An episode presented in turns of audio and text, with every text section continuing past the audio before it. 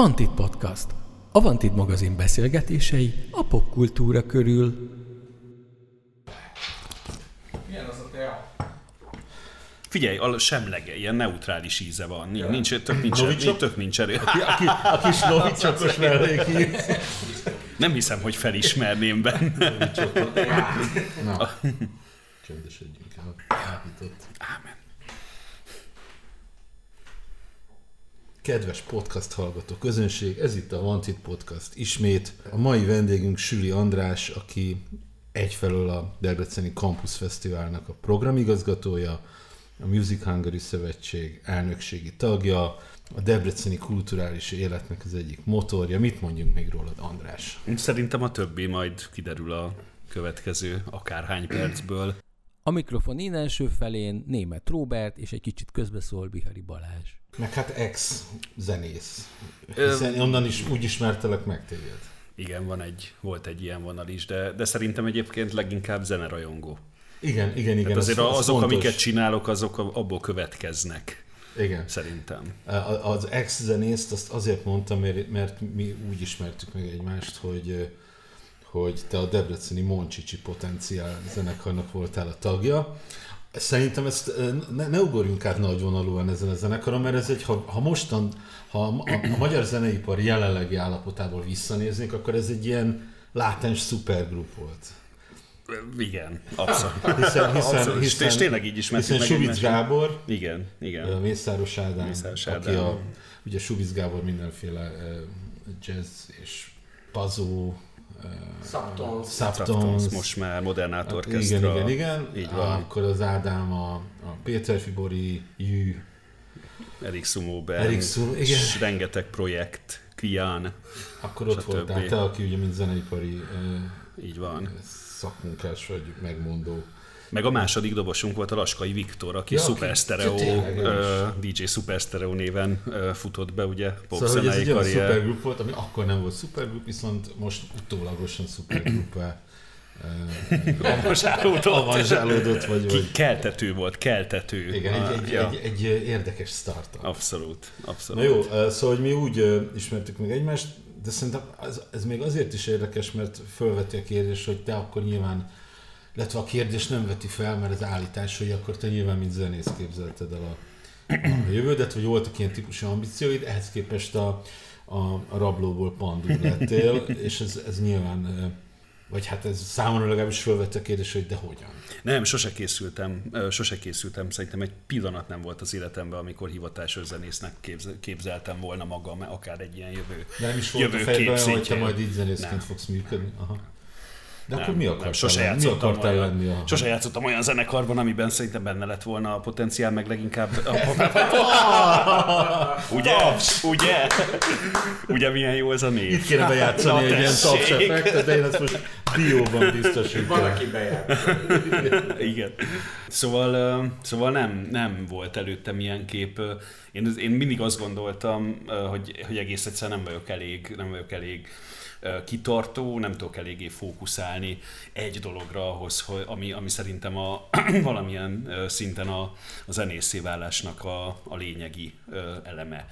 Úgyhogy, úgyhogy én inkább tényleg ilyen, én ilyen hivatásos hivatásos zenerajongóként De erre az énedre is indultam. emlékszem egyébként, mert nagyon sokat beszélgettünk. Abszolút. Végigbeszélgettünk És hát ez már igazából előtte is így volt, sőt, és ebben, ebben gyökerezik az egész, tehát engem beszippantott beszippantott középiskolás koromban, a, a, addig, is, addig is érdekelt a zene, meg zenetagozatos iskolába jártam, kórusban énekeltem, mentünk ide-oda, Mhm.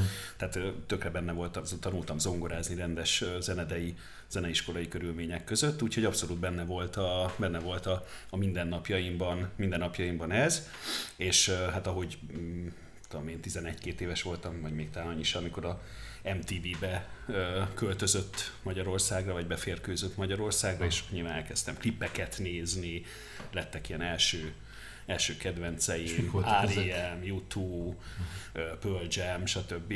Talán meg volt még mellette egy ilyen erős, erős nosztalgikus hajlam bennem a 70-es évek ilyen hard rock, Led Zeppelin, ö, stb. irányába, Doors, ezek voltak talán a legelső ilyen meghatározó zenekarok, de a Beatles is szerintem a szüleimen keresztül, vagy akár az Illés zenekar, már szerintem gyerekként is tök sokat, tök sokat hallgattam, és akkor, és akkor középiskolás koromban ez a világ, ez, ez kinyílt. Kinyílt rész, hát részben azért, mert elkezdtem fesztiválokra járni, főleg a, a korai sziget nekem egy ilyen nagyon erős impulzus volt. Neked, neked, neked ott annyi időskorodban mi volt az, ami, ami a leginkább megérintett a szigetből? Hát Tehát, szerintem a, most azon, azon amit tinik, hát meg amit kamaszként megél az ember, egy szabadságot, egy felszabadulást, egy bulizást, az nyilván az benne volt abszolút, de egyébként szerintem a, nekem akkor kezdett el nagyon erősen beékelődni a fejembe az, hogy, hogy onnantól nem húztam már éles határokat a műfajok között. Uh-huh. Tehát, hogy nem, nem, nem akartam onnantól már identifikálni magam valamilyenként, jó bennem volt az, hogy mit én sokkal többféle zenét hallgatok, mint az osztálytársaim átlag, mondjuk alternatívabb dolgokat, vagy alternatívabb dolgokat is hallgatok, de hogy nagyon kinyitotta nagyon kinyitotta a szemem, meg, meg hát ha már itt ülünk egyébként ebben a podcastban, akkor azt kell még elmesélnem, hogy a Vantid magazin is nagyon, nagyon jelentős szerepet játszott. A...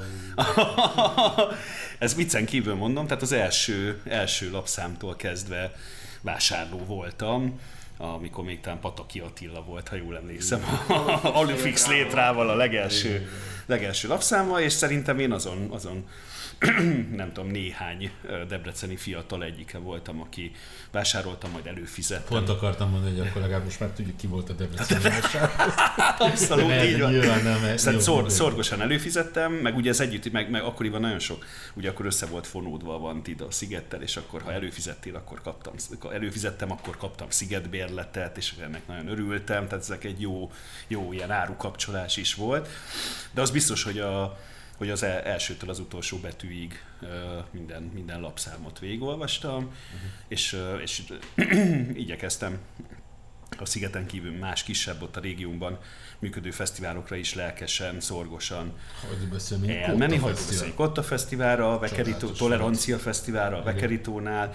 Úgyhogy ezek, ezek indítottak el ezen az úton, és, és, és az az igazság, hogy mi már akkor szerveztünk. Na, én is erre szerettem volna kanyarítani a beszélgetést, pontosan kettő dolgot szeretnék kérdezni tőled. Az egyik, hogy miközben zenészként próbálkoztál, vagy, vagy, vagy zenekarba játszottál, vagy majd azt így kimondhatnád, hogy ez egyébként ez a zenekar hogyan alakult, mert szerintem az érdekes, hogy, hogy, hogy Debrecenben hogy alakult akkor egy zenekar, tehát beszéltünk arról is, meg beszélünk arról is, hogy akkoriban voltak-e már ilyen szervezői Abszolút. hajlamaid, és a harmadik, hogy hogy nézett akkor ki mondjuk a debreceni, mondjuk ilyen infrastruktúra csúnya szóval, vagy milyen helyek voltak, hogy, hogy nézett ki így a zenei élet? Ez most három. Három a, az egyben. Igyekszem szépen végigmenni rajta. A, a szervezés az, az nagyon, nagyon viccesen indult, mert a, az első kulturális program, ami a nevemhez és egy osztálytársam nevéhez kötődik, és ketten, ketten hoztuk tető alá, azt elsős gimnazista korunkban szerveztük, és az nem zenei program volt, hanem az a Holló Színház, a, a Galla Miklós és társulatának a, a, a fellépése volt a gimnázium tornatermében. Tehát elmentünk egy, elmentünk, volt egy, volt egy holló fesztivál az akkori régi kölcsei művelődési központba, nekünk arra volt bérletünk, végignéztük a három nap vagy hat-nyolc előadást, közönségtalálkozót, stb.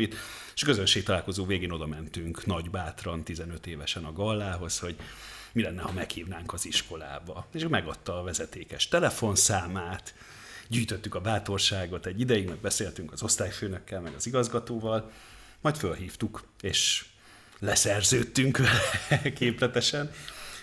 és, hát jóval és csinál... lemegyek Debrecenbe. És, és csináltunk egy sold outot a, a tornateremben, mert az igazgató 260 férőhelyben határozta meg a, a tornaterem maximum kapacitását, és mi eladtunk 260, 260 darab jegyet. Ez tényleg, start. abszolút. Döbbenetes. Így van, így van. Ja, és, és a, ami, amit még ehhez hozzá, ezt mindig el szoktam mesélni, amikor ez szóba jön ilyen informális beszélgetésekben, hogy 200 jegy ára fedezte a Holló Színháznak a, a tiszteletdíját. Így van, az volt a break-even, és a, és a e fölött keletkezett néhány ezer forint profitot, azt az osztálypénzbe helyeztük el. A felelős gazdálkodás. Abszolút, mert hogy nagyon sokat segítettek az osztálytársaink egyébként a promóban, a jegyértékesítésben. Tehát ez egy ilyen... És ez folytatódott? Hát ezen a vonalon nem, viszont utána nekem akkor lett, a, akkor lett itt az első zenekarom. A legelső formációt azt vészkiáratnak hívták, szerintem szörnyű név, és csak feldolgozásokat játszottunk vele, ez kb. egy évig létezett. Majd kicsit átalakítottuk ezt a zenekart, volt is benne, volt is benne jött bele, elment belőle ö, tag, meg jött bele új tag, és utána elneveztük az egyik iskolába járó lányról Rózsa Évának a, az együttest, és onnantól már saját számokat játszottunk. Egy ilyen, ilyen instrumentális, kicsit új hullámos hangulatú, ilyen, ilyen nagyon nehezen, mm, szavakkal nehezen megfogható zenékkel kísérleteztünk a saját szerény eszköztárunkkal. Majd ezt a zenekart is átalakítottuk néhány hónap múlva, megint lett egy tagcsere, jött egy szakszofonos, és onnantól elkezdtünk egy instrumentális, de már sokkal inkább az akkori másfélnek uh-huh. a világára hajazó, ilyen zakatolós, kicsit uh-huh. matekos, uh-huh. de alapvetően rock alapú zenét játszani. Ez volt igazából szerintem, tehát én innen számolom azt, hogy volt valamire való zenekarom, és, a, és az volt az érdekes, hogy ugyanazokkal, akikkel a zenekarban játszottunk, velük elkezdtünk klubot szervezni a gimiben, pinceklubot. Uh-huh. Tehát kaptunk engedélyt arra, hogy a pincébe lévő konditerembe havonta vagy két havonta hívjunk egy-két zenekart, DJ-t, csináltunk mellé filmvetítést, beszélgetést, vett kvízt, nem tudom, ilyesmiket. Kossuth klub. Aha. És egyébként a, a városban akkor mi, mi más volt? Még volt a klinika mozi, ugye? Hát talán akkor már volt a klinika mozi, így Aha. van. Volt az Incafé, ami egy pici, de nagyon, nagyon ö, család, családias, nagyon barátságos hely volt, egy nagyon hangulatos kis teázóval, kávézóval, és főleg pszichedelikusabb, alternatívabb koncertekkel, meg acid partikkal. Az volt egy, az egy törzs, azt például tudom, hogy ez negyedikes koromban, mert ami most 12-es ö, mai, mai nyelvezetre lefordítva, akkor az törzshelyünk volt. Gyakorlatilag nagyobb koncertek voltak a régi úgynevezett H székházban, Hajdú-Bihar megyei állami építőipari vállalatnak volt ez korábban a székháza, tehát nagyon zenekarok Kispár és a Borz például rendszeresen ott lépett fel, illetve, illetve már akkor létezett a, a Perényi utcán a Hangfogó Klub, ami aztán később Perényi egy is lett, uh-huh. meg még volt még egy-két neve, mielőtt elég dicstelen módon bezárt néhány évvel később. Nekem így most hirtelen ezek vannak meg fejben, de volt ott még egyébként több hely is, csak szerintem ezek picit már így a feledés, feledés homályába mennek, illetve van egy-két hely, ami, ami pont akkor zárt be, amikor, amikor én elkezdtem igazából kiárkálni koncertekre a városba. Te végig Debrecenben laktál? Tehát, hogy, mert ugye nagyon sok ilyen tehát akikkel így interjúztunk, és még nem budapestiek, és nem is Budapesten működnek feltétlenül e pillanatban, azok nem, nagyon sokaknál megvan ez a kanyar, hogy szülőváros, Budapest, vagy akár külföld, és utána vissza. Én két évig éltem Budapesten, az életvitelszerűen. 2002-ben diplomáztam a Debreceni Jogi Egyetemen, és erre kicsit előre szaladunk, igen, és akkor, tehát a, a diploma megszerzése után az első két évemet itt dolgoztam Budapest 2002 és 2004 között. Jogászkodtál. Jog, hát kvázi. Aha. Ez nagyon érdekes, mert hogy ebben jogászkodtam, de abból a két évből egy az olyan volt, hogy egy, egy alapvetően a jogi intézményrendszerben működő hivatalban voltam egyébként oktatás szervező, tehát meglepő módon rendezvényeket, Várj, akkor te- képzéseket szerveztem. De akkor te doktor Süri András. Igen, igen, Őrület. igen, igen. Szóval hogy akkor menjünk vissza. Gimi vége már zenélés komolyra fordul, szervezéssel kapcsolatos dolgok már történnek. Mi történt utána? Hát jöttek, a, jöttek azok a körök, amit szerintem egyébként a, a mondjuk úgy, a szakmámban sok mindenki végigmegy, aki egyébként egyetemen van, hogy, hogy egyetemi keretek között, egyetemi berkekben szerveztünk gólyatábor, hallgatói önkormányzatos rendezvények, koncertek. De nekem konkrétan a, És akkor itt most én is visszacsatolok. Nekem az első olyan, hogy én országos hírű zenekart valahova meghívtam, az történetesen ti voltatok a HS héttel a Dobosszan az Ugi gólyatáborban, 2000 augusztusában, Nem a 2000 Fischer? augusztus, de a Fischer együtt, amikor a Fisnek betörték a hátsó szélvédőjét a, az ittas gólyatáborozók. Nekem, nekem ez volt, én akkor estem át ezen a fajta tűzkerességen, hogy egy már akkor mondjuk, ti akkor a cukor megjelenése környékén voltatok, és akkor lettetek hirtelen ugye ismertebbek a, a korábbinál, úgyhogy nekem egy HS7 koncerttel indult ez a fajta koncertszervező karrierem. És aztán ez, ez egy ilyen, ez egy ilyen egyenes vonalú, mondjuk én fölfelé vezető egyenletes mozgás volt, ahogy egyre komolyabb produkciók, egyre komolyabb melók. Inkább fogalmazunk úgy, hogy, hogy soha nem tűnt el az életemből innentől már. De az Tehát ezen a- részévé vált, a, részévé vált a, az életemnek. az ilyen, ezen a ponton mennyire volt világos, vagy, vagy mondjuk inkább úgy mennyire volt benne a pakliban, hogy, hogy te egy ezzel fogsz foglalkozni? Én azt szoktam erre mondani, hogy, hogy mindig azt érzem, hogy velem így megtörténtek a dolgok. Aha. Tehát nem, nem. Hát, Jó, mondjuk ezzel úgy tehát kicsit jog, tudok jogi, egyetemre, jogi egyetemre is azért mentem, mert, mert ugye ez történt. Ott, ott ez tűnt hirtelen a leg, legjobb ötletnek, és Aha. akkor megy. Aztán utána az, hogy, az hogy, hogy tovább vittem azt egyébként, amit már oda is hoztam magammal, az, hogy szeretek létrehozni rendezvényeket, szeretek, szeretem a zenét, és ezt a két, két dolgot ötvözni. Ez nyilván az egyetemen végig kísért, és és hiába onnantól számítva még azt hiszem négy-öt évig még nem, nem, ez- nem ebből éltem, uh-huh. hanem mindenféle ö, lépcsőit jártam be így a, a jogi, jogi szakmának, de, de soha nem hagytam már ezt abba mellette. Uh-huh.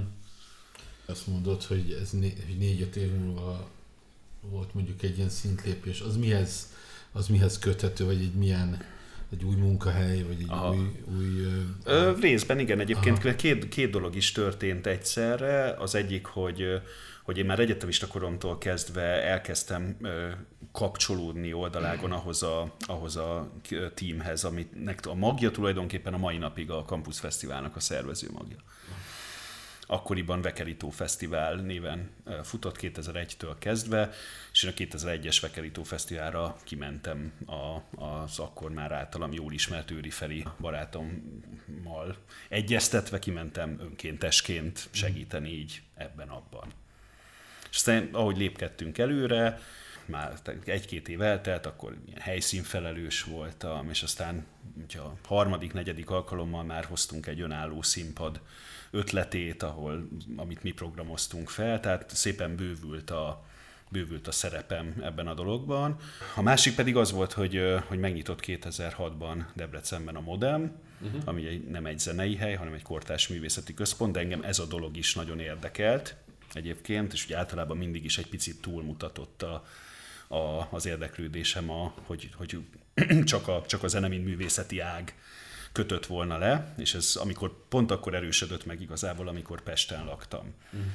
És hogy, hogy a képzőművészet, kortás képzőművészet is érdekel, az ilyen társművészetek, performatív dolgok, kortás tánc, meg a mindenféle ilyen crossover dolgok is nagyon érdekeltek. Úgyhogy, és akkor a Modem egy olyan hely volt, ahol el tudtam helyezkedni, tehát elmentem oda a főállásba dolgozni, és mellette a korábbinál már jóval komolyabb szerepem volt a fesztivál szervezésében, de mondjuk még nagyon messze voltunk attól, hogy mondjuk programigazgató legyek. Így a 2000-es években szerinted mennyire volt te karriered egyedi, vagy mondjuk hasonló életutakat tudtak bejárni esetleg hozzád hasonló 20 évesek? Fú, hát bárcsak tudnám.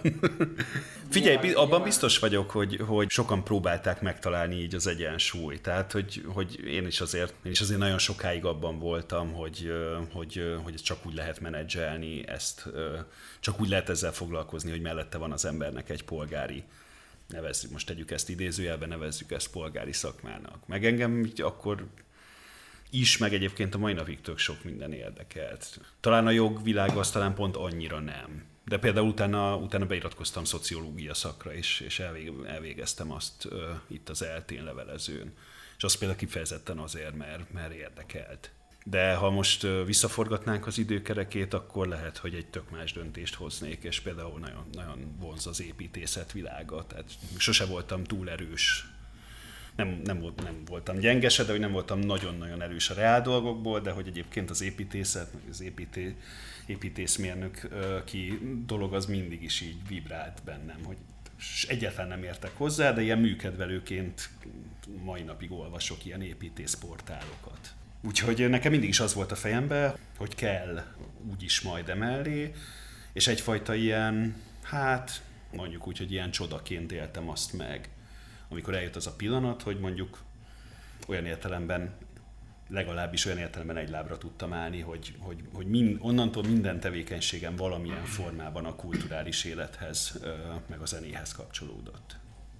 Mondtad, hogy akkor még nem voltunk sehol ahhoz, ami azóta lett a, a, a kampusz. Hogy miben látod a... Mert ugye hát bejárt egy utat a a Vekeri tóból lett Campus Fesztivál, ugye idén volt az első talán, hogy, hogy full sold out volt. Igen, olyan, olyan, olyan idén volt, elővételes, nem elővételes, de, de helyszíni, helyszíni sold out. Ilyen nem fordult még elő. Oké, okay, tehát az idejévet egyfajta ilyen határ, határkőként fölfoghatjuk, hogy mi, mi volt a sikertitka? Hogy ilyen nagyon, nagyon bulvárosan és egyszerűen fogalmazzak. Mert már csak azért is kérdezem, mert ott van a régióban egy másik fesztivál, ami nagyon szép reményű volt, a hegyalja, ami meg hát pont egy ellenpélda, hogy egy fesztivál, amit sokan szerettek, lehetett volna bármi belőle, és nem lett, most nyilván nem arra kérlek, hogy hogy, hogy fikázzad, vagy minősítsed azt a fesztivál, csak ugye köz, tehát az egyiknek sikerült, a másiknak nem. Abszolút. A Campusnak nagyon sikerült, és egyébként ilyen elemző, értelmező módon beszélhetünk arról is, hogy egyébként a hegyaljának meg miért nem sikerült.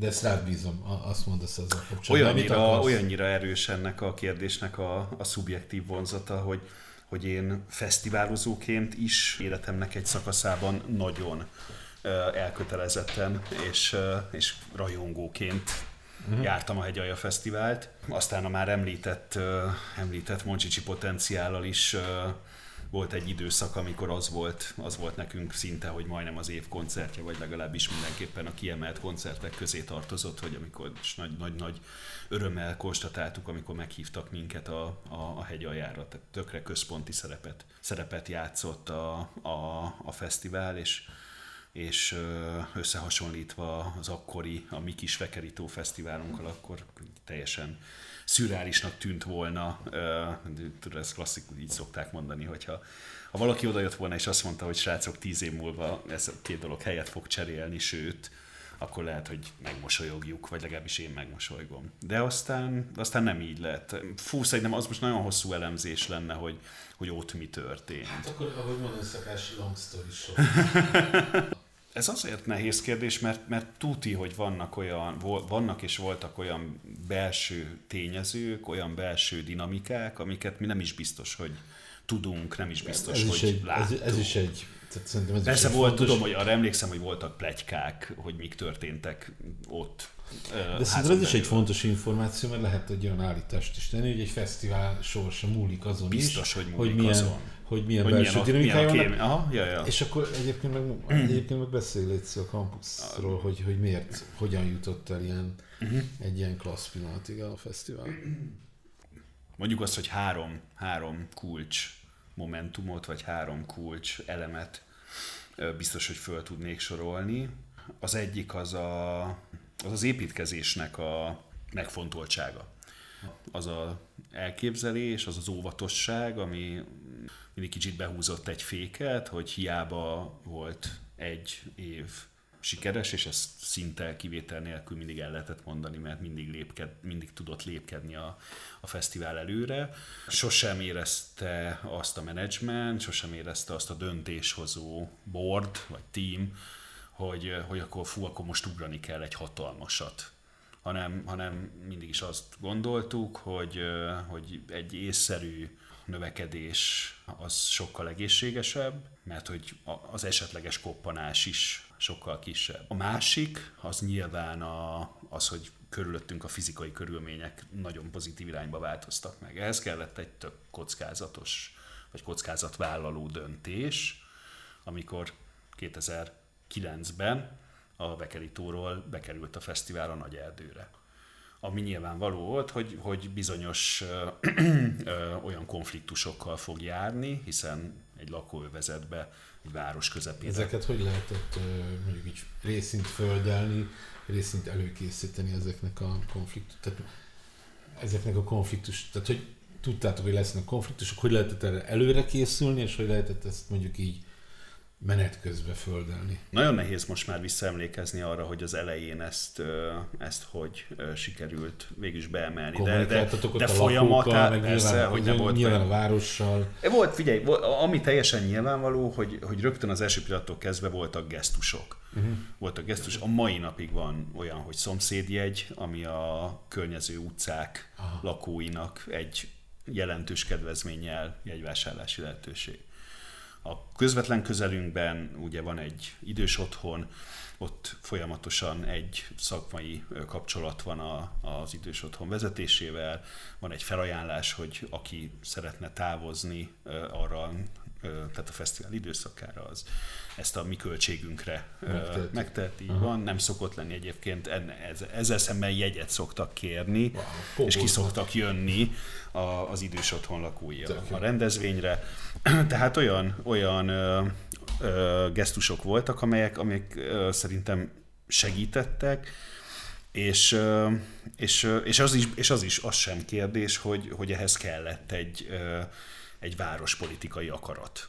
Tehát ezt egy ekkora rendezvényt Kifejezetten támogatta a város, hogy a, hogy a kampusz így Igen. egyrészt költözzen, meg Igen. növekedjen? Igen. Igen. Tehát ez valami fajta ilyen Igen. kultúrpolitikai image. Igen, innentől kezdve, mert ez már generált egy olyan folyamatot, amelynek az lett a vége, hogy egy olyan megkerülhetetlen társadalmi esemény lett a városban a rendezvény, ami meg már önmagában a társadalmi beágyazottságát segíti. Ja. Tehát a helyi véleményformálók jöjjenek bárhonnan és foglalkozzanak bármivel, de elkötelezettek a, a rendezvény mellett. Ez tök érdekes, amit még mondasz, tehát, hogy ez, a, tehát ez az időskála, tehát hogy 2009-ben történik ez a, ez a folyamat, és most visszacsatolok a Hegyalja Fesztiválra. Hegyaljánál gyakorlatilag abban az időben kezdődött el az, hogy próbáltak meglépni valamit, de nem jött össze. És Én egyre így jobban emlékszem. akarták meglépni, és egyre jobban nem jött össze. Én is így emlékszem. Én is így érdekes, emlékszem. érdekes, hogy itt Igen. így, így, Igen. így keresztbe, Keresztezte egymást a két keresztezte függvény. egymást. Nekem, nekem az a teóriám, hogy abban az időben szerintem rengeteg fesztivál abban a tévedésben élt, hogy nekik ugyanúgy, ugyanúgy tudnak növekedni, mint ahogy mondj- mondjuk a Sziget. Nyugodtan nevesíthetünk szerintem, tehát hogy nyilván a, a Volt Fesztivál, a Mezőtúr, a Hegyalja mind valahogy a Szigetet tekintette egy ilyen, egy ilyen kvázi mintának és ennek megfelelően próbáltak neveket behozni, meg, meg olyan kínálatot biztosítani, miközben meg egyáltalán nem biztos, hogy, hogy ez a funkciója egy regionális fesztiválnak. Talán ezt a csapdát kerültétek ki? Talán igen. Nagyon érdekes, amit mondtál, mert hogy pont az jutott róla eszembe, hogy ha, ha, ha valaki mindig is egy kicsit mintának tekintette a szigetet, az, az tutira én vagyok. Tehát tényleg, ahogy mondtam, itt nektek már 95-től kezdve mindig ott voltam, szinte mindig egy hétig, és rengeteg koncertet megnéztem, rengeteg programon részt vettem, nagyon-nagyon együtt éltem a, a szigettel, el vannak rakva a programfüzetek, szinte az összes. Olyan, milyen szigetrajongóként nőttem föl. És, és amikor ez, a, amit most mondtál, előjön, akkor, akkor leginkább arra tudok gondolni, hogy, hogy én mindig egy picit másban fogtam meg azt, hogy mi az, amiben én a, a sziget mintáját szeretném kicsiben követni. És ez részben azért is volt, mert nekünk mindig alkalmazkodnunk kellett, és mindig is, mindig is törekedtünk arra, hogy alkalmazkodjunk egy gazdasági realitáshoz. Kelet-Magyarországon vagyunk, a fizetőképes kereslet alacsonyabb, a jegyárakkal kapcsolatos érzékenység magasabb, a zenei ízlés sokszor lassabban követi le, nemhogy a nemzetközi, de még a mondjuk a budapesti trendeket is. És ezekhez a faktorokhoz, ezekhez a tényezőkhöz alkalmazkodni. És akkor mindjárt megértjük, Kell. hogy, hogy mi volt a szociológiai érdeklődés. De most De ez abszolút, ez nagyon sokat, nem, ez, ez, ez, ez tök nem sokat számít. viccből mondom, hanem, Persze. hanem És, hogy, és éppen ezért gondoltam én azt, hogy hogy amikor én azt mondom, hogy, hogy azért szeretném, hogyha ha, ha olyan kicsi szigetnek látnám a, a, fesztiválunkat, akkor sokkal inkább a felé indultam el, hogy, hogy jelenjenek meg különböző atmoszférák, különböző hangulatok, különböző rétegek, társművészetek, attrakciók, tehát miközben én amúgy zenefan vagyok, és, és baromi jól tudom érezni magam egy olyan, olyan igazi, mondjuk pure music jellegű fesztiválon, mint egy Primavera, ahol semmi más, minden, minden a zene, a zene körül forog. Nekem ugyanúgy egy nagyon erős mint a, Sziget, ahol egy, egy, egy abszolút kúrens táncprogram van, egy, egy színházi program van, új cirkusz van, dekorációk vannak. Ez, ez, ez most jutott eszembe ez a kérdés, és szerintem ez egy tök ér- érvényes kérdés, most nem a saját vállamat akarom beregetni, hogy ez a magyar, ez egyfajta ilyen magyar út a fesztivál Bizonyos szempontból, ja, igen. Hogy ennek van valami speciális oka? Vagy egész egyszerűen arról van szó, hogy az első olyan fesztivál, ami mintát adott, az ilyen lett, és innentől, ha nem is a kínálatba, de, a, de a, az, az alap az alap felszereltségben ez lett a minta. Tehát, hogy, tehát már mint, hogy a Szigettől mintát adó, fesz, vagy vevő fesztiválok azok olyan fesztiválok, ahol nem csak zene van, hanem mindenféle más. is. Simán lehet. Vagy pedig, az, vagy pedig van valami olyan, most csak így hangosan gondolkozom, hogy Magyarországon nem lehet csak zenére alapozni egy fesztivált, mert nem tudom, mert, mert másképp néz ki nálunk a, a Figyelj, nekem, nekem meggyőződésem, hogy, hogy, hogy na, kis túlzással ugyanannyi jegyet adnánk el, hogyha ezek a plusz ö, attrakciók nem lennének.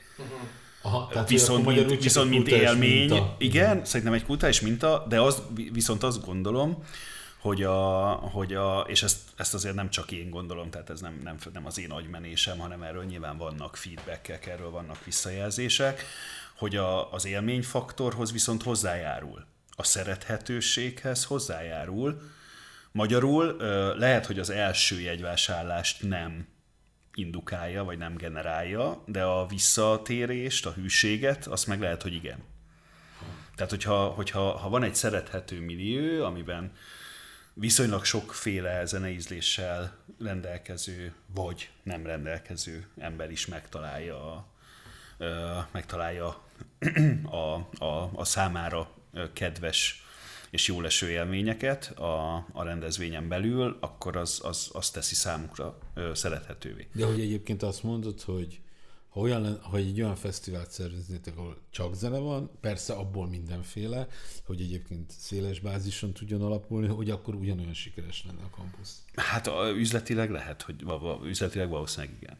Aha. Hozzáteszem, hogy azért, hogy azért ez nem valami a, apróságokat teszünk azért hozzá, de, de, de, de azt látom, hogy mi már azzal nagyot vállalunk, hogy zeneileg meghagytuk olyan rétegzetnek a dolgot, mint, mint amit egyébként a hozzánk hasonló ö, nagyobb, nevezzük mainstream ö, hazai ö, fesztiválok ö, ezt adott esetben sokkal nem feltétlenül tudták így, vagy akarták ezt így meglépni, vagy meghagyni. Emlegetted ezt a fontolva haladást, ami szerinted a, az építkezésnek az elve volt, vagy filozófiája, és ami egyébként biztosította a fesztivál sikerét, hogy ez miben testesül, meg mondják példákat a fontolva haladásra, hogy, hogy mit mertetek bevállalni, mit nem, milyen döntéseket hoztatok meg, hogy milyen olyan döntéseket hoztatok meg, hogy ezt mondjuk nem vállaljuk. Nem, nem emeltük a jegyárakat hor, horribilis mértékben soha egyik évről a másikra, nem növeltük meg a fesztivál program költségét többszörösére egyik évről a másikra, nem kezdtük, nem, nem változtattunk azon a recepten, hogy nálunk a nemzetközi előadók azért nagyon sokáig, és tulajdonképpen még most is egyfajta ilyen, egyfajta ilyen habot jelentenek a tortán, de hogy valójában nem, nem, nem, nem uralják le a fesztiválnak a programját, mert nem, mert nem tudják leuralni, hiszen nincsenek annyian. Szóval Menj, például a kampusz mennyire függ a... Mert most nekem abból, amit mondtál, úgy tűnik, hogy már ha a habatortán, hogy nincs kitéve a, az aktuális külföldi előadónak a fesztivál. Vagy, vagy azért, azért ez egy fontos... Biztos vagyok benne, hogy a kommunikációban nagyon nagy szerepe van, a brandépítésben De nagyon nagy szerepe is? van. Hát ennél fogva szerintem azért igen. Ennél fogva szerintem azért igen. Tehát nem De- olyan értelemben habatortán, hogyha egyébként levennénk a tortáról, attól még a torta megállna. Szerintem egyébként a torta megállna ö, 2021-ben, és akkor most, most nagyon, nagyon nagyokat ugrottunk az időben, ugye 2021-ben, ö, amikor védettségi igazolványhoz kötve lehetett rendezvényeket látogatni, és álltak a nemzetközi turnék, mi csináltunk egy kampuszt, ugye egy év szünet után, uh-huh. a szokott időben, júliusban, négy napban, nagyjából hasonló programstruktúrával. De csak magyarokkal. De csak magyarokkal. És működött. És figyelj, gyakorlatilag persze visszalépett a látogatottság mondjuk a 2016-os szintre, most mondtam valamit. Szerintem elsősorban nem a magyar line hanem a védettségi igazolvány miatt, meg, ugye, egy- meg a Covid miatt, a helyzet meg a helyzet miatt, Igen. de gyakorlatilag egy mm, a saját lábán nagyon jól megálló fesztivált tudtunk csinálni külföldi fellépők nélkül. mondogatjuk, hogy mekkorákat ugrunk az időben, most egy picit Vissza. mert emlegetjük a kampusznak a sikerét, hogy mi volt az a pillanat, amikor azt éreztetek, hogy, hogy, hogy most már úgy egyenesben, most már rendben vagytok. Nem is az idei évre gondolok, ami már tényleg egy ilyen nagyon nagy siker volt, hanem mik voltak azok a pillanatok, amikor ugye volt az átállás, Vekerító a kampusz, aztán beköltözés, vagy ez együtt volt? Hát a, a, ugye 2000, Tehát ö, volt kampusz még 2008-ban volt egy darab kampusz a beköltözés. 2009-ben jött a beköltözés. Ami még fordulópont volt, az a terep, ugye mi 2012-ig a, a régi Nagyerdei stadionban tartottuk a fesztivált. A régi Nagyerdei stadion egy gyakorlatilag üresen álló, kihasználatlan, egyébként nagy alapterületű ilyen, tehát amiben atlétikai pálya is van. Ez a klasszikus Így van, fotballpálya, így van, így van, pálya. és, és szerintem a következő fordulópont az az volt, amikor amikor új stadion lett, teljesen megújult az a park, gyakorlatilag felújították, ez 2014-2015, megújult a Nagyerdei víztorony is, tehát lett ott egy komoly infrastruktúrális fejlesztés, és kialakult az a terep, az a plac, uh-huh. amely most már stabilan otthont ad a fesztiválnak. Ez volt egy, egy következő szerintem nagyon-nagyon markáns fordulópont. Ekkor léptünk szerintem amúgy, ekkor tájt 15-16 környékén léptünk egy szintet. Uh-huh. Akkor jött be az, hogy a egy külföldi headliner helyett lett kettő-három, és uh, szerintem ekkor kezdett el egy picit jobban már az országos, mondjuk azt, hogy fesztivál közvélemény jobban odafigyelni a, jobban odafigyelni a, a rendezvényre, de ö, az eredeti kérdésedre visszatérve, szerintem mi egy kicsit egy ilyen, egy ilyen nem örök elégedetlen, de hogy ilyen önmarcangoló, önreflektív csapat vagyunk, tehát sosem érezzük azt, hogy gyerekek, ülünk a, a kényelmes bőrfotelben, és akkor innentől már bármit megtehetünk, mert siker lesz.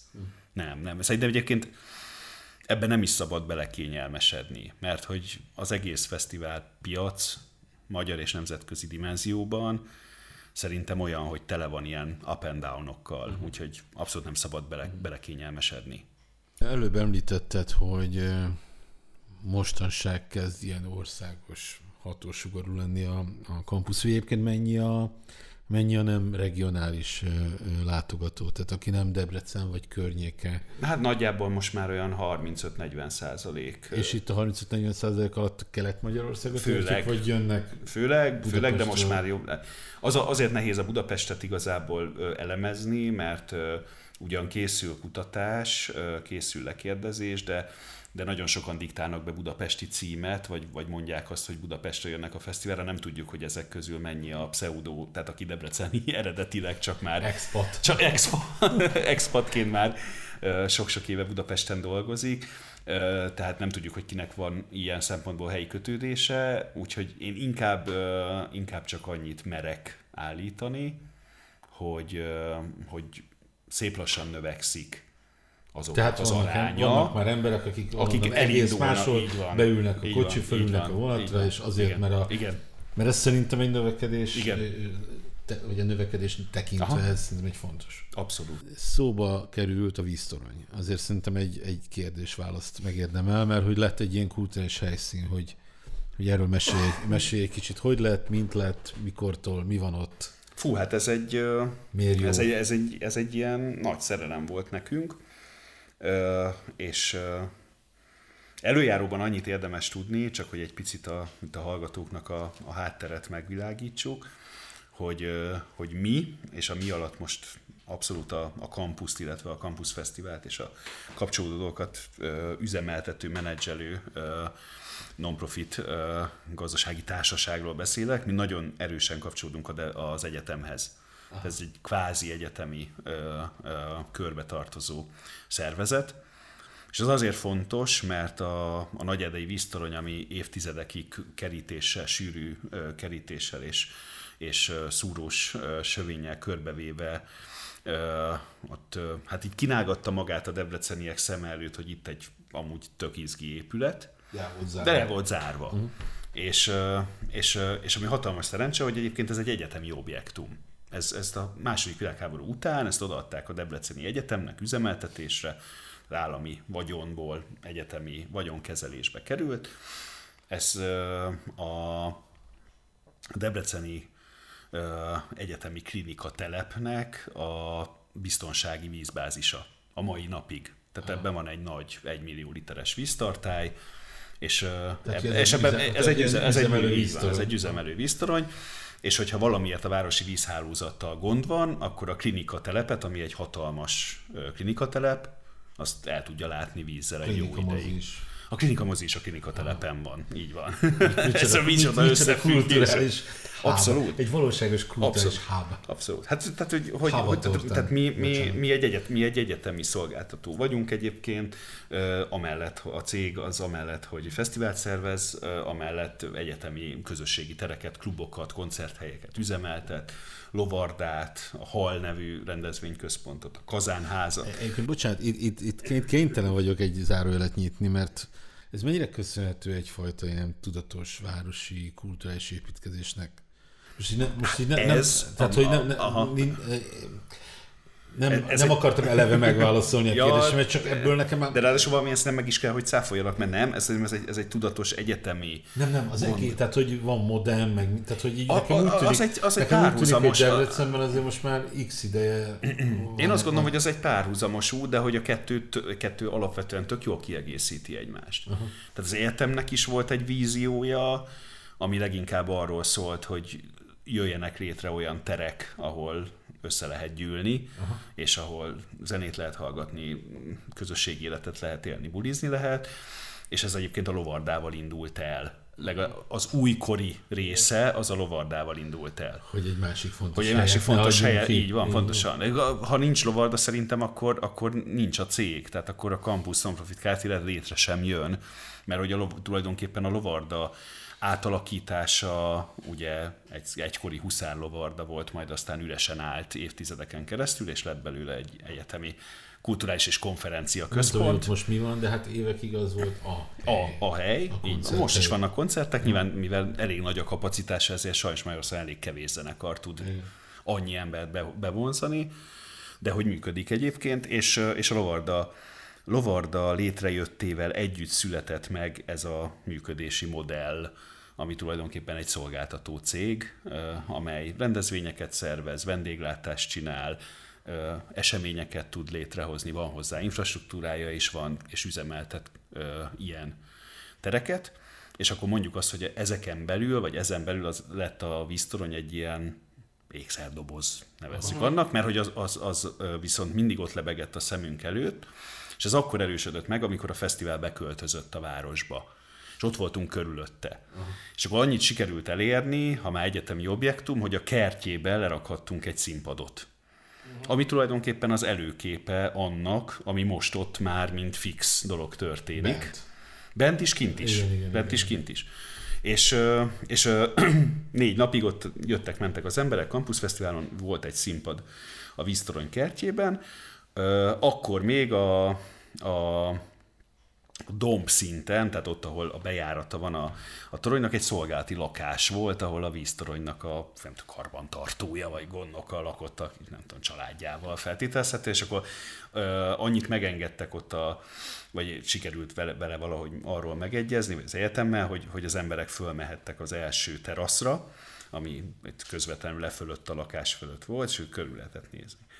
És mindenki azzal volt tele, hogy hát gyerekek, ez annyira jó, hát, hát miért nincs itt egész évben ilyen?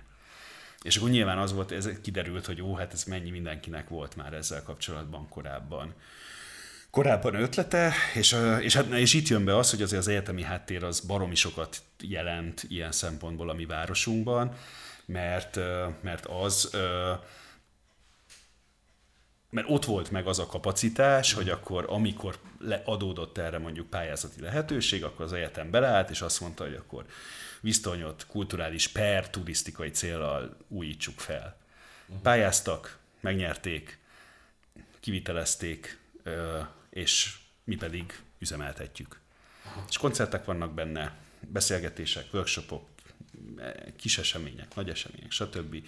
Ugye most szabadtéren április végétől szeptember végéig kinti koncertek, kicsit ilyen, ez, a, ez az igaz ilyen kerthelyiséges koncerthangulat, ami ez a, én mindig Debreceni zöld pardonnak neveztem annak idején, mert hogy, mint ahogy a fesztiválokban a Sziget, úgy a szabadtéri koncerthelyekben nekem a, az, az ZP volt a, az Origo, a, ahol először találkoztam ezzel. Úgyhogy, úgyhogy ja, hát baromi jó, hogy, hogy, hogy van egy ilyen.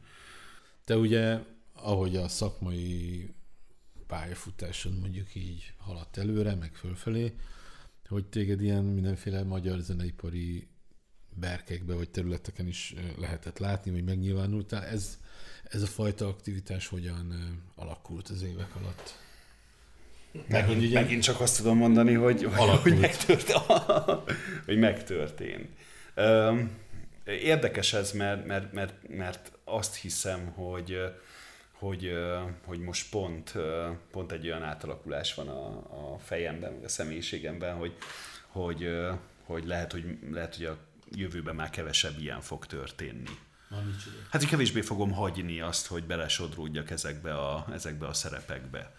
De ez nem, nem, ez nem azt jelenti, hogy baj, vagy hogy, hogy megbántam volna, vagy megbánnék bármit. Igen, vagy, vagy csak egyszerűen egy, kiépül egy ilyen, kiépül bennem egy erősebb, erősebb kontroll ezzel kapcsolatban. Engem, tehát a, a, ahogy azt szerintem nagyjából kiderült az eddigi beszélgetésből, engem azért alapvetően a lelkesedés hajtott bele ezekbe, a, ezekbe az élethelyzetekbe. Tehát nem voltak ezek úgy de nagyon átgond. Az, hogy én gyakorlatilag fesztivál szervező lettem, abba, abba az hajtott bele, hogy úgy imádtam ezt az egészet, és így bele, bele belesodródtam, és örültem neki, és nyilván retten, rettenetesen szerencsésnek tartom magam, hogy, hogy ebből meg tudok élni. De, és, az, és az összes többi feladat, ami itt az elmúlt főleg így az elmúlt, nem tudom, 5-6 évben megtalált, Music Hungary szövetség, akkor korábban, vagy nem korábban van egy folyamatos kapcsolatom a hangfoglaló programmal, ment fiatal zenekarok mentorálása, a zsűriben való szerepvállalás, nem tudom, olyan egyszerűen, tehát a lelke, lelkesítő projektekre tök nehéz, tök nehéz nemet mondani, és, és, és nagyon motiváló tud lenni az, amikor az ember találkozik egy, egy, egy olyan feladattal, ami, ami, ami nem volt korábban, vagy amiben mondjuk úttörő.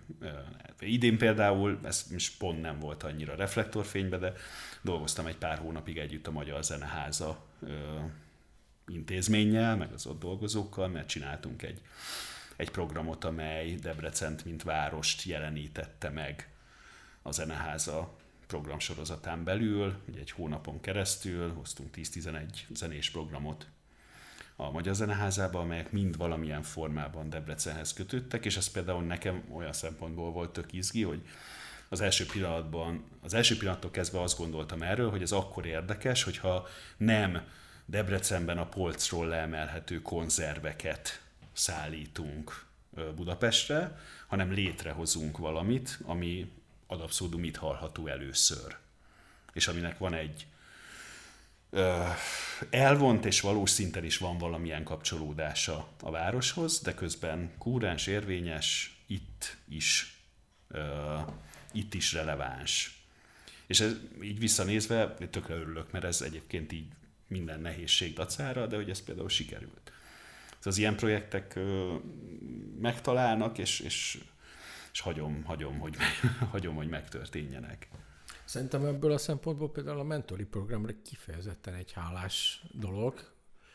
Hogy látod egyébként, hogy a mentoráltak közül mennyire gyors most így a felfele ívelés?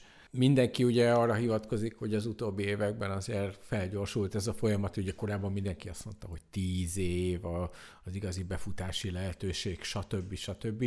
Egyrészt ez, másrészt pedig milyen az érési folyamata egy produkciónak, akit mondjuk esetleg te mentorálsz, vagy, vagy egyébként bármelyik másik kollégád? Hogy van valamilyen mondás, hogy az a szabály, hogy nincs szabály? Szerintem, szerintem nagyon, nagyon meredek, ami, ami most ilyen szempontból történik. Nem, nem rossz értelemben, csak, csak ö, ö, kiszámíthatatlanná vált, és, ö, és annyira hirtelen tud, tud megtörténni egy-egy zenei produkcióval, akár a nagyon-nagyon nagy siker is. És szerintem egyébként ez azért tud működni, azon túl, hogy ilyen, ilyen a korszellem, ilyen a, a mediális közeg, ilyen a, a, a, akár a mostani generációnak a, a bevonódása, de, de hogy ez mind önmagában még nem feltétlenül lenne elég. Szerintem ehhez az is kell, hogy a, hogy a, a magyar zenének a, a háttere, magyar zene hátterének a tudatossági ö, szintje, meg professzionalitása, az így baromi nagy szintet lépett mondjuk 10-15 évvel ezelőtthöz képest. Tehát hogy az, amit én, amit itt kérdezett a Robi, hogy így velem is mi történt, hogy bevonultam még ebbe, abba, ilyen szövetség, mentoring, stb. Ezek mind annak a jele, hogy elkezdett az egész, ahogy a magyar zene ipar mögött álló ilyen nagy, homályos massza, az elkezdett a korábbinál sokkal ö, tudatosabban, és, és talán azt lehet mondani, hogy professzionálisabban működni. És, és, és hogyha, hogyha ezek mögött a nagyon gyorsan megtörténő dolgok mögött, mert hogy most már tényleg az van, hogy mit tudom én, másfél éve senki nem hallott a Betonhoffiról, vagy csak százan, most meg eladja a legnagyobb helyeket gyakorlatilag országosan, és sorolhatnánk rengeteg ilyen példát. És ennek ez a része, tehát a közönség oldala, az lehet, hogy megtörténne, de az, hogy ez működjön, ahhoz az is kell, hogy rögtön a Betonhoffi mögött ott van egy, egy, egy olyan menedzsment, aki az ehhez szükséges dolgokat azonnal mellé, mögé ö, tudja tenni. Igazából nem látni még, hogy, hogy ezt a fajta érdeklődést, ezt hogyan és mennyi ideig lehet fenntartani.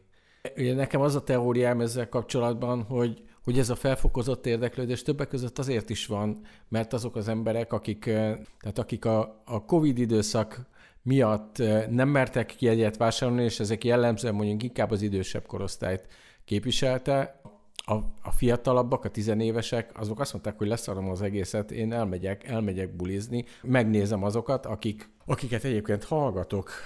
Most, hogy így ezt mondod, meg most, hogy így ezeket a kérdéseket felvetitek, most azon gondolkodtam, hogy, hogy tulajdonképpen egy csomó szerintem nyugodtan forradalminak nevezhető változásnak voltunk szemtanúi az elmúlt években, és abszolút nem csak a magyar piacra mondom, sőt.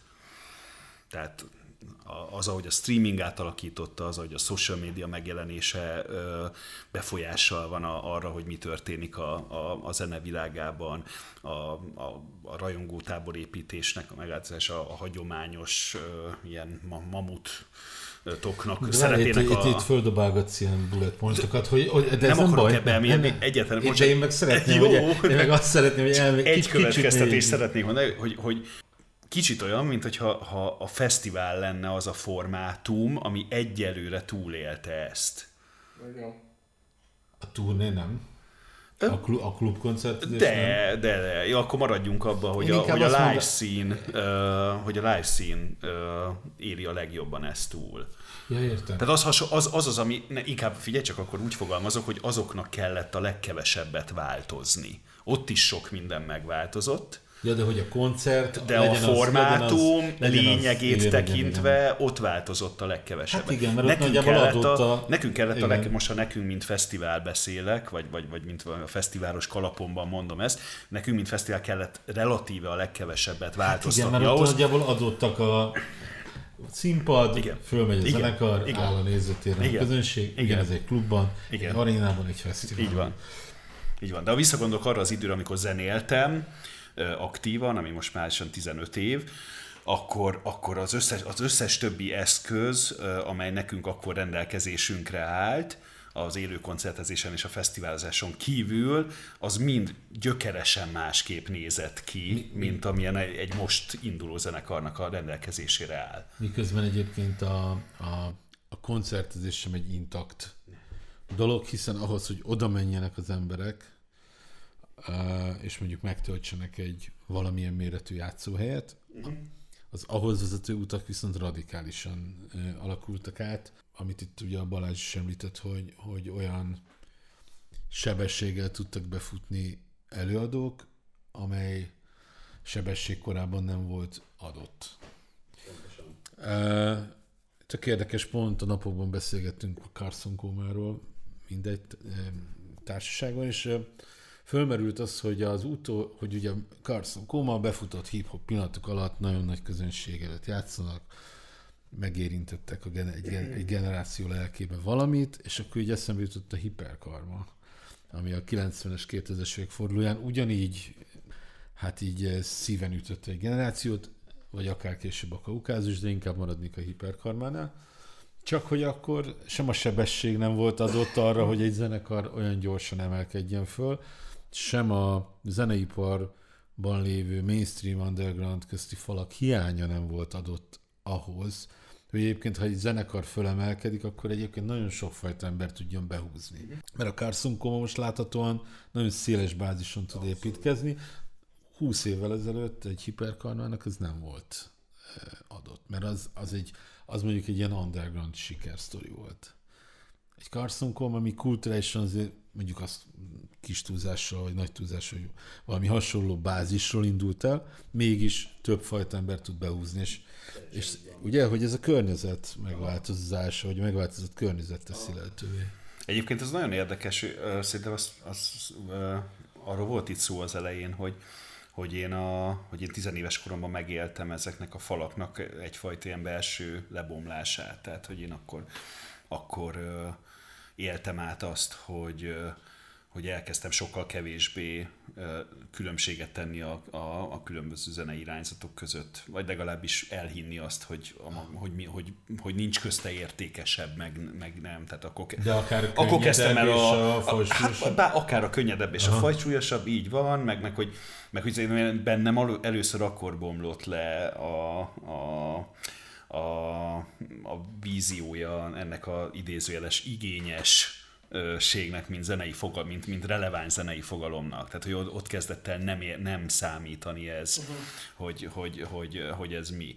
De ezt az egészet ezt most csak azért hoztam föl, mert tök érdekes látni akár a saját, közö, tehát a saját a rendezvényeinkre járó közönségben, meg, meg nyilván azért kommunikálunk nálunk kettő-három generációval fiatalabbakkal, kérünk tőlük feedbacket, próbáljuk megismerni a, a gondolkodásukat, és hogy, hogy, hogy náluk már organikusan, tehát náluk fel, föl sem épültek ezek a falak Ja, abszolút. Igen. föl sem épültek ezek a falak, tehát hogy, hogy én, a, én a mai napig emlékszem még arra, hogy a saját, ö, saját baráti körömbe is tök megütközést keltett az, hogy, hogy én a egyik nap len vagyok a próbateremben és basszusgitározom egy ilyen matek rokkos instrumentál zenekarban, és más másik nap meg el, vagy péntek este meg elmegyek az acid partira és hogy nem értették, hogy ez, ez tehát hogy nekik ez olyan volt, hogy hát ez a kettő, ez hülyeség együtt. Hát így most vagy, te, vagy technós, vagy, Vagy- vagy matek- kis túlzással, vagy vagy, matek rokkos. Na mindegy, És tehát, hogy, sokkal hogy sokkal erősebb, így van, lehet pont, befogni. sokkal szélesebb fesztávokat lehet befogni, és sokkal kevésbé éreznek közte, közte, közte falat. Tehát, hogy nem, nem, nem. Az, hogy most éppen a, a Steve Aoki, vagy a Tame Impala, vagy a Calvin Harris, vagy a Tame Impala a headliner a szigeten egyik nap, másik nap, biztos, hogy mindenkinek van valami fajta viszonyulása, de senki nem gondol erre úgy, hogy ez, úristen, ez két teljesen külön világ. Vagy hogy ez nem Ez két fesztivál headliner. Az egyik egy ki ilyen, a másik olyan. És hogy így nem, tehát tökre eltűntek, tökre eltűntek ezek a falak, és hogy, hogy, hogy igazából szerintem fesztivál szervezői szempontból ez egy egyetlen baj. Persze. Sőt, ez valójában sokkal, sokkal könnyebbé teszi a, sokkal könnyebbé teszi a dolgunkat. nem tudom hányjal ezelőtt, hány kérdés ezelőtt emlegettem, hogy volt neked külföldi projekted is. Hogy volt olyan külföldi rendezvény, mint, mint valamilyen zeneipari tanácsadó, talán, hogy megmondom, Hát, bele, ö, belefolytál erről. Volt, de volt, ezt hiszem nem, nem érzem annyira, nem érzem annyira, annyira egy meghatározó mérföldkőnek egyébként, a, ami egy izgalmas, izgalmas Hát én az sztori volt. A, miatt, ö, Hát emle- amikor, a, amikor, a, amikor szintén a hangfoglaló ö, ö, programmal sokat dolgoztunk közösen, akkor még Cseh Tamás program volt egyébként, ö, amikor, amikor elindult a HOC, amikor elindult a, a Magyar Zenei Export, egyáltalán az abban való tudatos gondolkodás, ö, és akkor többek között én is kaptam egy olyan feladatot, hogy hogy segítsek valamilyen szinten a magyar jelenlétet külföldi showcase fesztivalokon megmutatni. Speciál nekem akkor a Tali Music Week jutott, amit tök érdekes, nagyon szeretem azt a, egy, egyetlen van bennem egy tök régi vonzódás így a balti országok, meg egy balti, balti államok hangulata irányába, úgyhogy, és, és ez tökre beletalált. Úgyhogy, úgyhogy voltak ilyen próbálkozások, de én azért a mai napig mai, mai napig inkább úgy gondolok magamra, mint egy ilyen provinciális zenei szakemberre, tehát hogy, hogy a mentorálásaim folyamán is arra jutottam, már pedig ugye dolgozom olyan előadóval a, a Sayanoé személyében, aki szerintem amúgy abszolút exportképes, mind a, mind a soundja, mind a, az angol nyelvvel való viszonya és, és a zenei gondolkodás módja is alkalmassá teszi arra, de, de, de én, ezt, én ezt neki is mindig el szoktam mondani, hogy, hogy, hogy az, hogy neki valami ö, szignifikáns, látható külföldi nemzetközi karrierépítésbe kezdjünk, ahhoz, ahhoz nem én leszek az ember. Hát, Ha már itt vagy, és erre, terül, erre kanyarodott a beszélgetésünk, azért egy kicsit beszéljünk arról, vagy egy legalább egy, megint csak egy kérdés-válasz erejéig térjünk ki arra, hogy, hogy te egyébként milyen metódust, vagy milyen modellt, vagy milyen irányt tartanál ö, érvényesnek, amikor arról beszélünk, hogy magyar zenék külföldön ö, megjelenjenek, mert ugye van az a koncepció, hogy hát itt a régiót, ezt a volt KGST, tehát hogy azt a régiót kéne újra bejátszani, ahol 1990 előtt is a magyar zene meg tudott jelenni, hogy azt kéne ebben az egészen új környezetben, akár az ilyen visegrádi országok keretében, vagy ez a közép-kelet-európai régiót alapul véve, és hogy talán ebbe kéne mozogni, és nem a szokásos menjünk ki Angliába, menjünk ki Németországba, nem tudom, köröket futni. Hogy erről te mit gondolsz? Mert van, aki így ezzel próbálkozik, van, aki meg inkább ezt az elsőként említett ilyen szűkebb régiónak a bejátszását tartja érvényesnek. Hát nagyon nincs nálam a bölcsekköve. Hát nem is a bölcsekkövét mod- mod- kérdeztem, hanem a véleményedet. működő modelleket ö, láttam, ö, vagy, vagy ismertem meg, és, ö, és ezek a működő modellek sem egyfelé mutatnak. Hát én, én amit, amit, amit érvényesnek gondolok, az egyik az az, hogy amikor ö, az exportra szánt termék, az, az tényleg bír valami olyan ízzel, ami, ami felismerhetővé teszi. Nagyon tanulságos volt egyébként ilyen szempontból. Egyszer meghallgattam egy előadást a, attól az embertől, aki az izlandi zenei exportot immár, nem tudom, 30 akárhány évvel ezelőtt elkezdte komoly, professzionális szintre építeni. Nek szerintem abszolút látható az eredménye. Amellett, hogy ott egyébként számunkra felfoghatatlan volumenű erőforrást tudtak emellé betenni, amellett azért ott is megvan szerintem az, hogy azért az izlandi produkciókról, izlandi produkciókról mindig, mindig, mindig eszünkbe jut az ország. Valahol az izlandi produkciók magukban hordozzák azokat a géneket, azt az ízt, azt az izolált hangul, azt az izolációs hangulatot, azt, a, azt a, amit a maga az ország is, is sugároz. És éppen ezért én azt, hogy, a, hogy elsősorban azoknak a produkcióknak van igazán egyébként relevanciája, amelyek hordoznak valamit abból, ami, ami rólunk eszükbe juthat az embereknek máshol, vagy, vagy, vagy ezál, ezután eszébe fog jutni, tehát visznek valami, visznek valami magyar ízt, bármilyen kicsesen is hangzik ez. A, abban, a, abban, a, abban a receptben, vagy abban a modellben én mondjuk valamilyen szinten hiszek. Uh-huh. Tehát azt gondolom, hogy nem, mondjuk nem véletlen a Bohemian Betyásznak a, a relatív uh, sikeressége uh, külföldön, mert a Bohemian Betyász visz ki uh, valami olyat az országból ezekre a külföldi színpadokra, amire ott úgy néznek, hogy hogy, hogy ez, ez, ez kicsit más, ez hoz, ez hoz valamit. Viszont ott van a, a, másik tényező, ami szintén az előző példámból, az izlandi példából jön, hogy egyébként iszonyatos mértékű erőforrás kell ahhoz, ami, ami soha nem volt még itthon meg. Tehát amellett, hogy egyébként rettentesen sok pozitív dolog történt a Hocégisze alatt, és korábban nem látott láthatósága lett, lett a, a magyar zenei életnek. Tényleg zenekarok tudtak kijutni Primavera Fesztiválra, stb.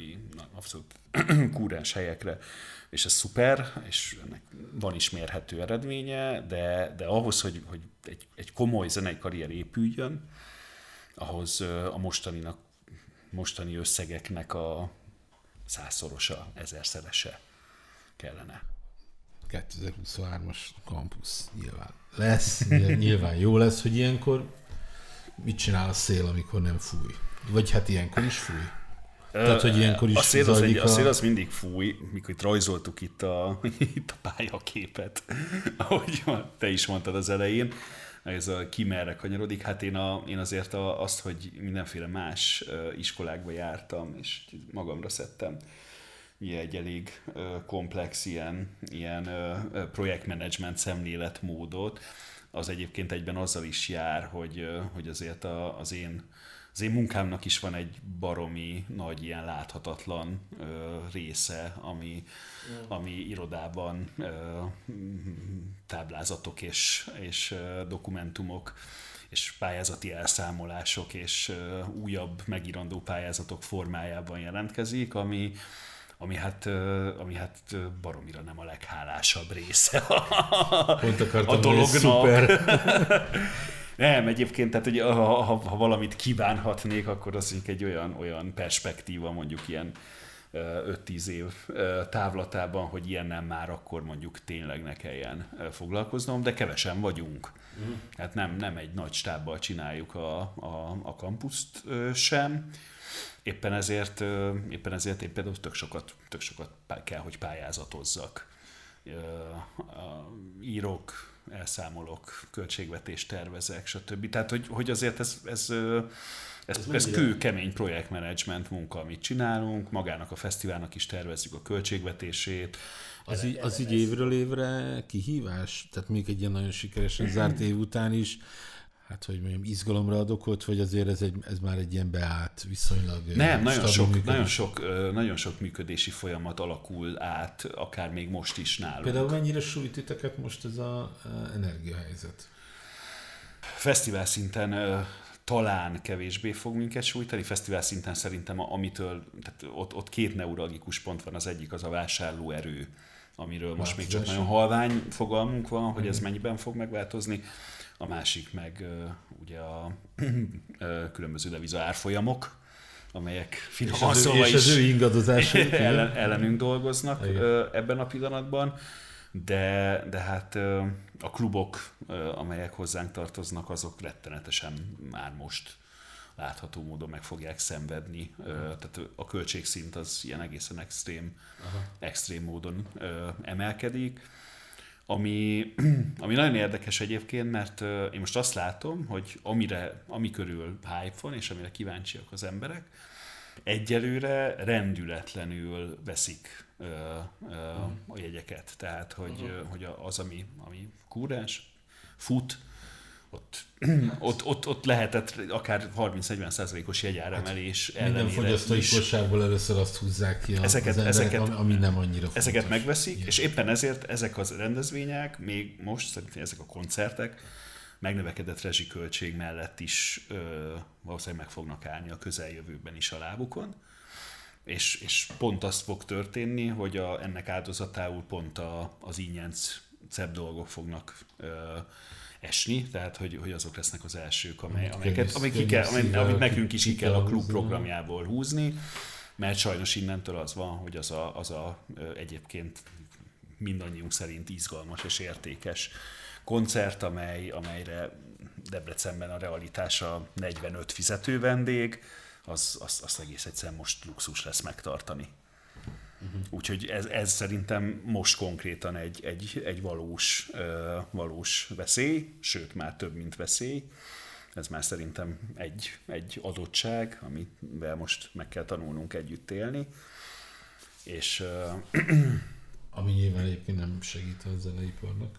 Hát egyáltalán nem segít Már a zeneiparnak, sem, se, tehát a zeneiparnak sem segít, biznisz szempontból nézve sem segít, meg mondjuk annak az ilyen, nem tudom, missziónak sem segít, hogy, hogy szemléletet ö, faragjunk, nyissunk. Szóval ezért bennem mindig volt egy ilyen, mindig volt egy ilyen nagyon erős szándék, aminek az egyik, egyik jó terepe, meg, meg játszótere az, az maga a Campus Fesztivál, ahol azért megvan az a lehetőségem, hogy, hogy a, a, hogy a, a széles körben népszerű előadók mellett kapjon lehetőséget viszonylag sok egyébként zeneileg izgalmas rétegcucc, így van, és azért, ha sokkal korlátozottabban is, de ezt így klub szinten is meg tudtuk csinálni eddig. Lehet, hogy most egy ideig amúgy nem fogjuk tudni megcsinálni. És egyébként ez érdekes, mert, mert, mert beköszöntöttek olyan körülmények, vagy, vagy, vagy jött egy olyan korszak, amit szerintem egyelőre még így mentálisan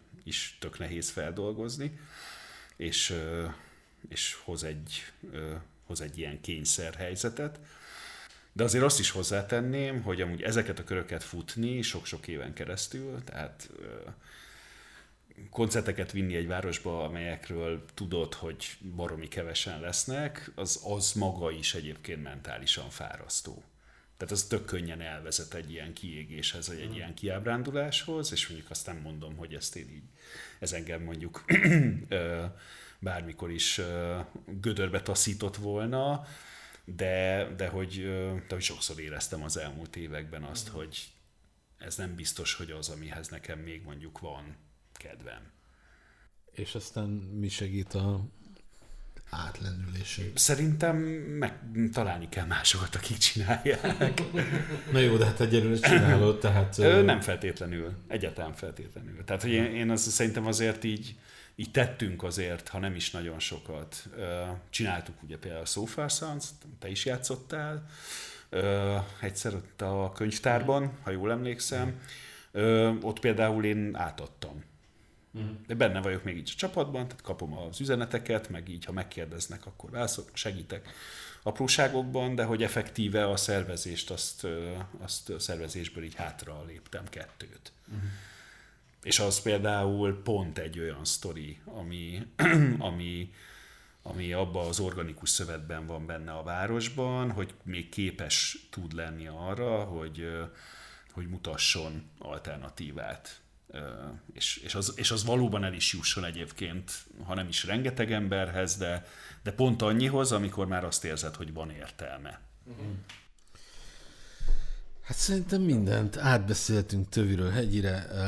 Ez volt a Wanted Podcast legfrissebb adása. Süli András volt a vendégünk, aki a debreceni zenei és kulturális életnek az egyik fontos figurája. Most már mindent tudtok róla szerintem. Mi volt az utolsó lemez, amit meghallgattál, és nagyon tetszett? Gondoltam a végére még csattanjon. Az egyetlen kérdés, amire készülni, amire készülni kellett volna. Hát akkor csak mondja egyet, amit az de utóbbi nem, mert nem időben ezt hallod. És a, a, a, a Budapest, Budapest Showcase Hub van most ugye Budapesten, amikor ez a felvétel készül, és konkrétan annak a playlistjét, annak És a playlistjét. Az abszolút van egy, van, egy, van egy csomó jó dolog, így van. valahol nagyon élvezem azt egyébként, hogy hogy ennyire demokratikus lett a zene, zenéhez való hozzáférés, uh-huh. és az, hogy iszonyatos mennyiségű felfedezést tudok én is tenni, de hozzáteszem egyébként, hogy ez is tud baromi fárasztó lenni. Á, persze. Na jó, tehát akkor most jön az elköszönés Csapó ja, kettes. Sziasztok! Tehát Süli András volt velünk. Köszönjük, hogy itt voltál. Sziasztok! Sziasztok. A Vantit Podcast az NK hangfoglaló program támogatásával készült. Iratkozzatok fel csatornánkra!